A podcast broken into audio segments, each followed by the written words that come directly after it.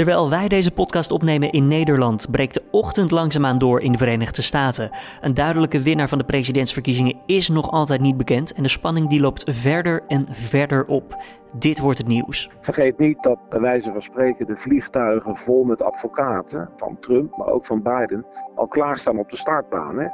Want dit was inderdaad te verwachten.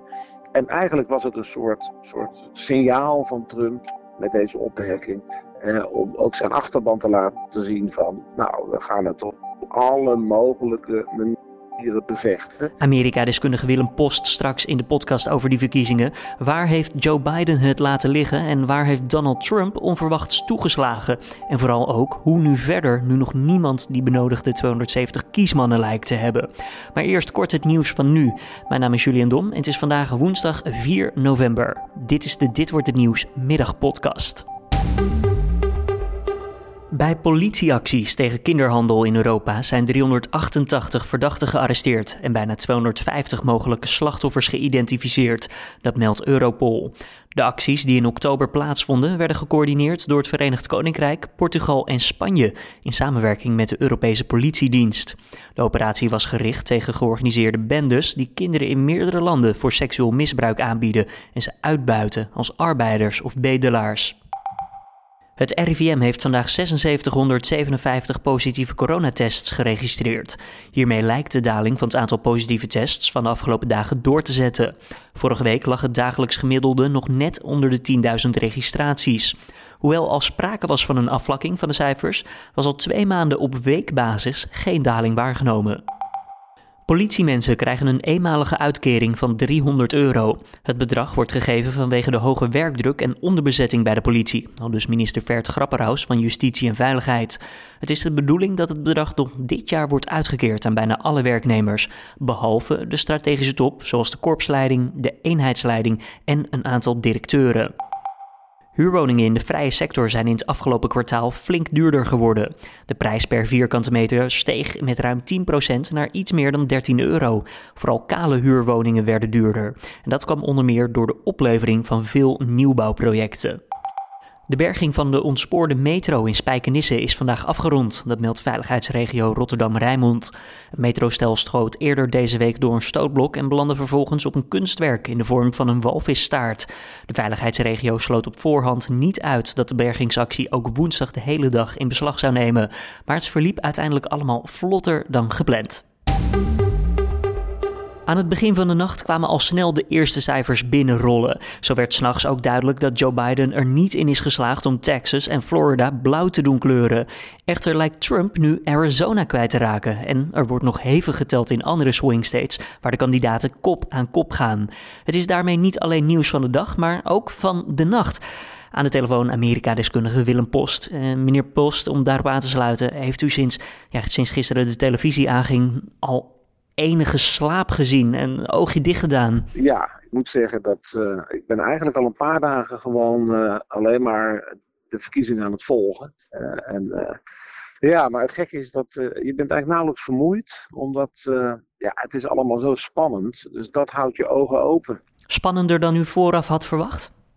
Ja, zeker. Kijk, want je kunt uh, heel veel lezen en dat moet je vooral ook doen. En het liefst ook naar Amerika gaan. Dat heb ik ook een paar keer gedaan, nog net voor corona, hè? in Iowa en New Hampshire. Maar uiteindelijk uh, ja, kijk je toch met een schuin oog naar de peilingen. En uh, was ons verzekerd dat die peilingen verbeterd zouden zijn. En dat er meer rekening werd gehouden met ja, de, de Trump-aanhangers op het platteland. Nou, en dan was het tot eergisteren, zeg maar, gisteren ook nog wel een zee van blauwe uh, uitslagen in die peilingen. Biden zou eigenlijk zo'n beetje op alle fronten winnen. In alle sleutelstaten. En ook nog wel fors ook, behalve Florida. Daar was het maar 2, 3 procent. Uh, nou, verreweg de meeste peilingen, ja, die hebben enorm gefaald. Hè? Dus het, uh... Dit is toch pijnlijk om weer te zien dat we eigenlijk in vier jaar lang dus niets hebben geleerd van al die peilingen? Nee, en op zich zouden peilingen natuurlijk heel belangrijk kunnen zijn. Omdat ja, veel meer houvast heb je natuurlijk niet. Hè? En uh, Real Clear Politics is een hele bekende website. En daar, daar staan dan de gemiddelde op. Hè? Dan denk je, nou ja, goed, hè, van 7, 8, 9 van die peilingen. Uh, daar kun je het wel van op aan. Nou ja, er is één uh, peilingbureau, Trafalgar Group, die wordt een beetje geassocieerd met de Republikeinen. Die hadden het in 2016 helemaal goed, hè, door te voorspellen dat niet Hillary, maar Trump zou winnen. En zo'n beetje als enige hebben die het ook nu weer bij het juiste eind. in ieder geval, zij geven aan, of gaven aan, dat Trump beter zou scoren dan verwacht. Nou, dat is wel duidelijk. Hè? Als je Florida ook wint, zo'n belangrijke staat. En ook toch wel vrij duidelijk. En nog een aantal andere staten.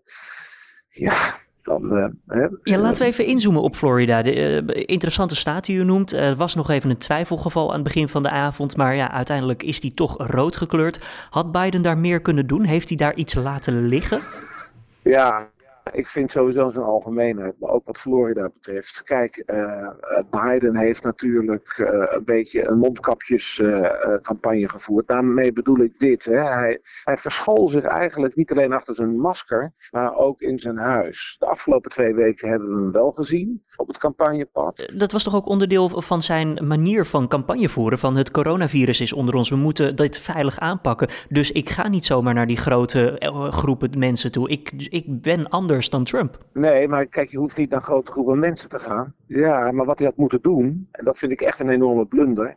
Hij had in kleine gezelschappen zich makkelijk kunnen vertonen in Amerika. Met alle voorzorgsmaatregelen. Dan staan de televisiecamera's erbij. En dat heeft hij onvoldoende gedaan. Zelfs op CNN, dat is toch ook een van de anti-Trump-centers. Daar zei Jake Tapper, hè, bekende journalist, vorige week nog. Is toch raar dat Biden gewoon vrije dagen neemt. Terwijl die ex-coronapatiënt uh, Donald Trump, onverantwoord medisch gezien, hè, maar vijf rallies per dag doet. Vier, drie in de stromende regen. Dus Biden had een veel meer dynamische campagne kunnen voeren, rekening houdend met de coronavoorschriften. Nou, dat heeft hij, dat heeft hij vind ik, veel te weinig gedaan. Je moet, les 1 in een Amerikaanse verkiezingscampagne, kunnen Nederlandse politici zich toch ook wel een beetje aantrekken. Je moet vechten, vechten, vechten. Je moet je altijd laten zien. Stem. Ja, dat heeft Trump wel gedaan. Hè? Let's be honest. Ja, want bij, bij Trump, de productiviteit lag inderdaad zeer hoog. Hij ging her en der, hij vloog door het hele land heen. Zijn er nog onverwachte successen die u zijn opgevallen voor hem?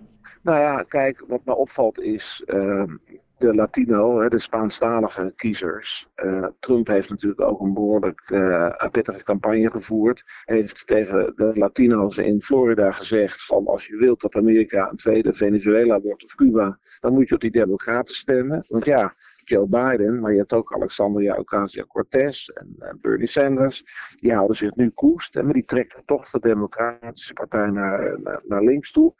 Dus dat schrikbeeld, ja, dat kun je aan een meesterpopulist in extremis als Trump wel overlaten. Dat schrikbeeld, dat heeft blijkbaar wel gewerkt. Want hij heeft echt goed gescoord, weten we nu al onder de Latino's. Ja, en kijk, uh, Biden heeft het dan wel wat beter gedaan bij de oudere witte Amerikanen. Maar Trumps achterban op het platteland is wel massaal, erg opvallend vind ik hoor, naar de stembus gekomen. Het heeft echt goed gescoord wat dat betreft. En dat 50-50 Amerika, met, met nou ja, alle ellende van dien, hè, dat het land tot op het bot verdeeld is. Hè. Het lijkt alsof er een soort van Grand Canyon dwars door heel Amerika loopt, tussen rood en blauw Amerika. En dat is natuurlijk wel triest. En dat is niet in vier jaar te vatten. Dat woekert en woekert maar voort. Dat blijkt wel uit deze verkiezingsuitslag. Wie er ook president wordt, Biden of Trump. Het gaat maar door. En toen zei Trump tijdens zijn ja, speech in de, in de nacht, uh, ja, verkiezingsfraude. Dat woord dropte hij en ja, die opmerking kwam misschien niet helemaal onverwachts, want hij liet dat al eerder doorschemeren. Uh, wat dacht u toen hij dat zei van wat er nu zou gaan gebeuren? Ja, dat was natuurlijk wel shocking, hè, want hij noemde ook geen enkel bewijs. En als je natuurlijk, ja, ik vind dat dat niet kan. Je kunt niet als president zeggen, we stappen naar het Hoge Rechtshof. Uh, dat kan ook helemaal niet. Je moet eerst naar de lagere rechtbank. Je kunt niet zomaar bij het Hoge Rechtshof binnenwandelen. Van waar komt zo'n opmerking dan, denkt u? Ja, om toch maar zo snel mogelijk te claimen. Uh, en, en, nou ja, en toch al een, een voorzet te geven uh, richting een juridische procedure. Of juridische procedures.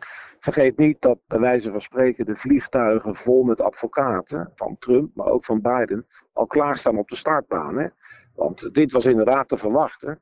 En eigenlijk was het een soort, soort signaal van Trump met deze opmerking. Eh, om ook zijn achterban te laten zien van, nou, we gaan het op alle mogelijke bevechten. Ik vind dat dat niet kan, dat is mijn persoonlijke mening. Maar Donald Trump is natuurlijk wel echt een politieke cowboy. Dus zijn achterban vindt het natuurlijk geweldig. Hè?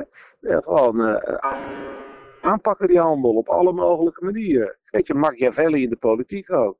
Dus uh, ja, we kunnen de komende dagen nog uh, nogal wat verwachten als het zo nipt blijft. Het kan nog nipt worden, zegt u. Enig idee van, ja, weet je, ik, ik, heb hier zelf CNN aanstaan. De key alerts, die schieten me om de oren. Er wordt ook steeds gezegd, we weten niet hoe lang het nog duurt. Maar goed, aangezien zij het steeds vragen, vraag ik het ook maar even een keer. Heeft u enig idee, hoe lang kunnen we hier nog op wachten? Wanneer wordt bekend wie die president wordt?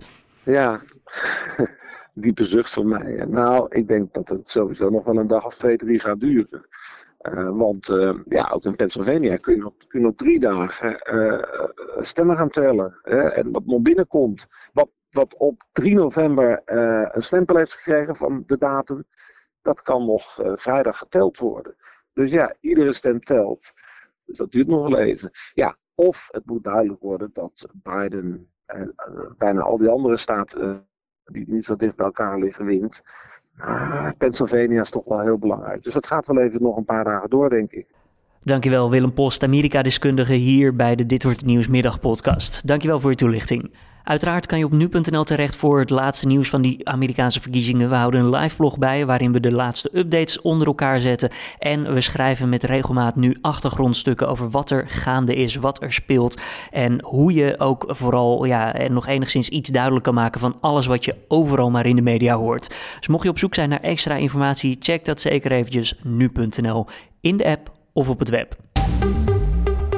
Dan nog even het weerbericht. Er zijn flinke perioden met zon en het is bijna overal droog. De temperatuur die ligt bij rond uh, nou, graad of 11 bij een zwakke tot matige westelijke wind.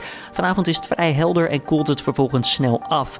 Later in de nacht en morgen vroeg ligt de temperatuur dan rond de 3 graden. Vooral in het zuidoosten is er kans op lichte vorst en is er plaatselijk ook wat mist.